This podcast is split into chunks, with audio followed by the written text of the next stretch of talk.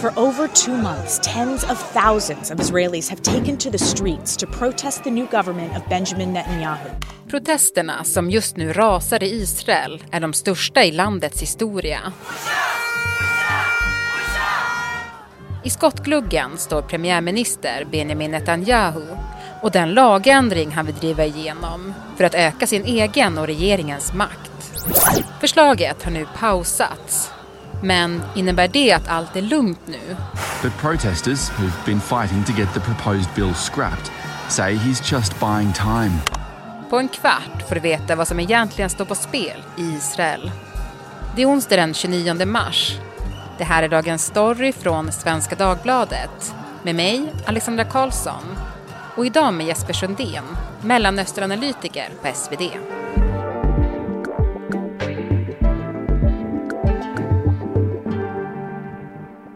Nu har ju Benjamin Netanyahu pausat det här kritiserade lagförslaget som har skapat sådana massiva protester i Israel.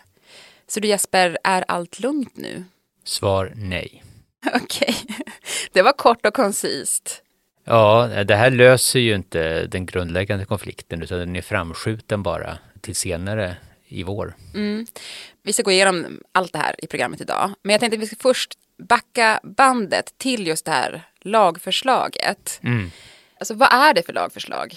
Ja, lagförslaget går ju ut på att ge regeringen större makt och minskad makt kan man säga till Högsta domstolen. Mm. Eh, och det handlar om hur man tillsätter domare. Mm. Men varför spelar det så stor roll då? Det spelar stor roll därför att Israel har ingen konstitution. De flesta länder har en konstitution som, där grundläggande rättigheter eh, slås fast. Men eh, inte Israel.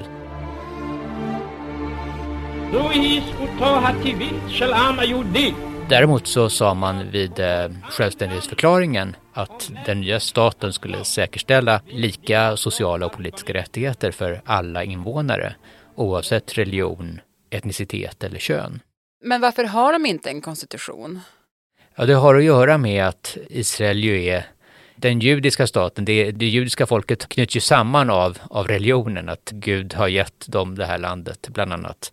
Och då när man bildade Israel, den moderna staten, så var det visserligen sekulära, de flesta var socialister som, som bildade landet, som eh, den första ledaren Ben Gurion. Den religiösa delen är ju väldigt viktig så att därför så så lyssnade man på de ortodoxa och ultraortodoxa som, som hävdade det att vi ska inte ha en, en konstitution utan det är Guds ord som är vår konstitution. Mm. Det är Toran som är konstitutionen. I det läget så är, har det blivit så att det är Högsta domstolen som är lite garanten för de här rättigheterna som man slog fast i självständighetsförklaringen.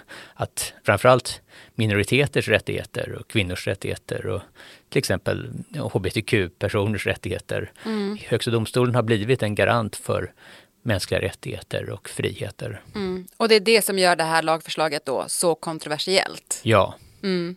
För vad är det man menar står på spel här då egentligen?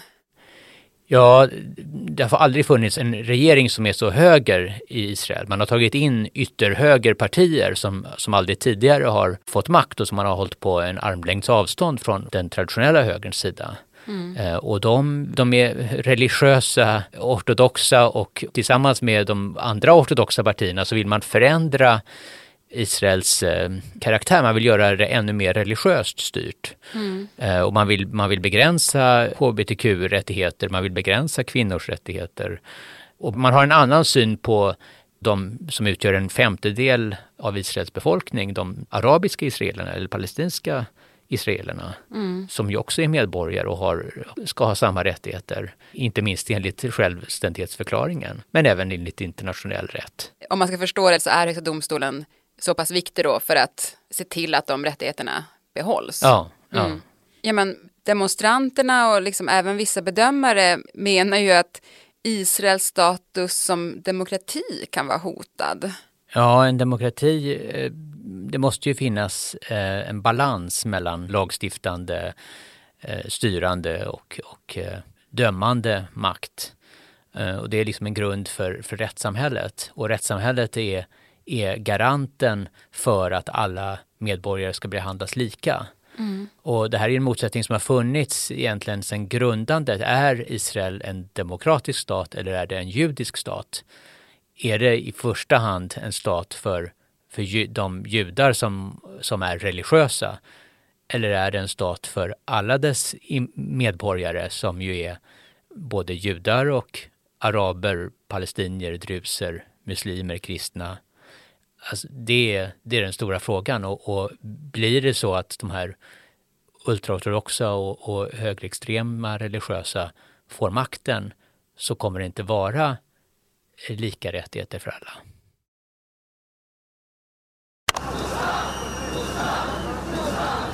Vi har ju sett eh, massiva protester i Israel. De har ju pågått 12 veckor är det väl nu? Ja, de har ju i princip pågått hela året och det har ju, har ju varit eh, hundratusentals varje vecka och upp till en halv miljon människor som har varit ute och demonstrerat i, i framförallt Tel Aviv men runt om i hela, hela Israel. Mm. Och det är alla samhällsgrupper. Det är både vänster och höger och det finns från den här extremhögerregeringens sida. De försöker göra gällande att det här är vänstern som är ute och protesterar mot högerns förslag. Men det är ju så att det är flera högerpartier i oppositionen och det är ju flera partiledare som har varit ministrar hos Netanyahu och som har tillhört Likud som, som ju styr den här eh, högerextrema regeringskoalitionen. Så att det är inte en strid mellan vänster och höger. Det är en strid mellan vänster, mitten och höger mot högerextrema och religiösa.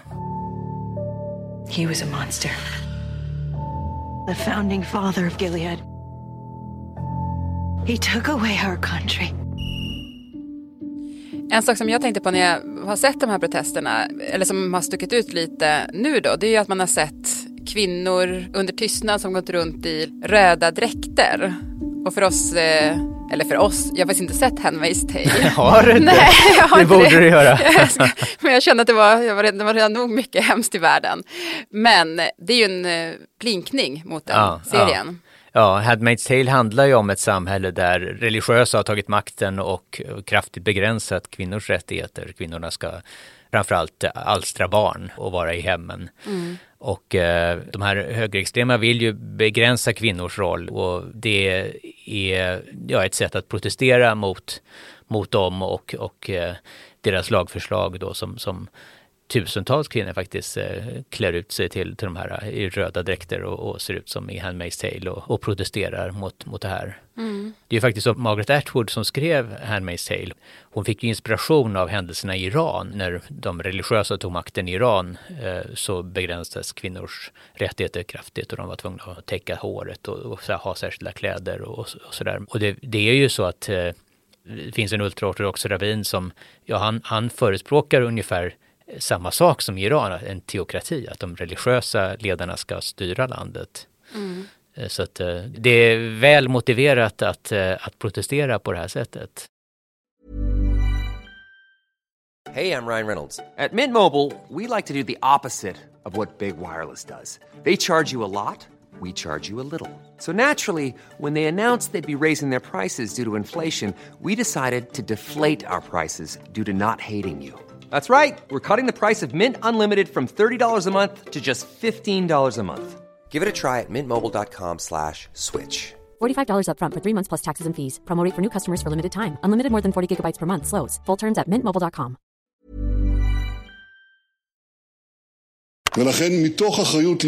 Men jag tänker Netanyahu då, han är ju inte högerextrem. Nej, han är varken eh, särskilt religiös eller högerextrem. Men varför vill han göra den här lagändringen då? Ja, Netanyahu, han vill säkra sin makt. Och han vill undanröja hotet om att bli fälld och avsatt. För han, han är åtalad för tre olika korruptionsbrott och eh, ytterst kan han styra över sammansättningen i Högsta domstolen, ja då kan han också se till att det blir domare där som kan se till att han inte behöver avgå om han fälls för det här eller, eller att man lägger ner de här åtalen helt och hållet. Mm.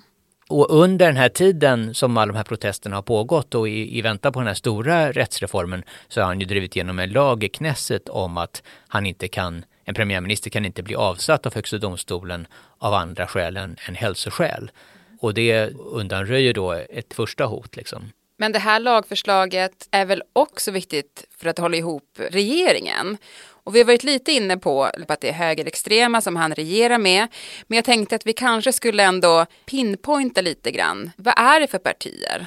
Ja, det är framförallt två partier, eh, judisk makt och, och religiös sionism, som har gått ihop i en allians då med Netanyahu. Och eh, den ena partiledaren Itamar Ben-Gvir och han är tidigare dömd för uppvigling till rasism och, och, även för terrorstöd och han har då utnämnts till säkerhetsminister i den här regeringen. Mm. Och sen har vi finansministern Bezalel Smotrich som är öppet emot hbtq-rättigheter och vill begränsa kvinnors rättigheter. Och de är båda extrema figurer som eh, är, jag vill ha hårdare, hårdare tag mot palestinier eh, och de, de representerar bosättarrörelsen och de stöder annektering av, av palestinskt territorium, till exempel Västbanken. Mm. Ja, men Netanyahu har ju ett dilemma här då ändå, för att de har väl hotat med att om det inte blir det här lagförslaget eller om det inte går igenom så kommer de lämna regeringen. Ja, ja Ben Gvir sa det att eh, om, om Netanyahu backar om det här då, då drar de tillbaka sitt stöd och då, då faller ju regeringen och, och Netanyahu. Men eh, nu fick han, eh, han ska få sitt eget nationalgarde som han ska få styra över så att eh, då, mm. då gick han med på att frysa den här lagen och de, Netanyahu har ju lovat att den ska röstas igenom senare. Mm. Ja men precis, så vad händer nu då? Om det bara är pausat? Ja, det är ju sagt att eh, det ska vara förhandlingar, att man ska försöka komma till någon kompromiss. Men det tvivlar jag på. Men det som kommer hända nu är, eh, nu närmar sig ju Pesach, eh, den judiska påsken, och, och då, då stänger parlamentet Knesset. Mm. Och, och, och sen så tar man upp det senare. Och, och då kommer den ju hålla stängt. Och sen när den öppnar senare så, så kommer den här frågan upp igen. Mm. Så fortsättning lär följa? Absolut. I think it's a very strong visual representation, the red and the hat. When Margaret Atwood is retweeting several times, this is also something that will put more pressure on the government.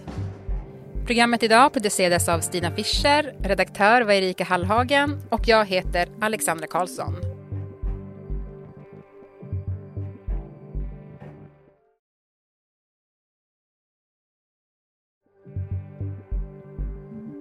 Vill du kontakta oss så mejla till dagensstory.svd.se.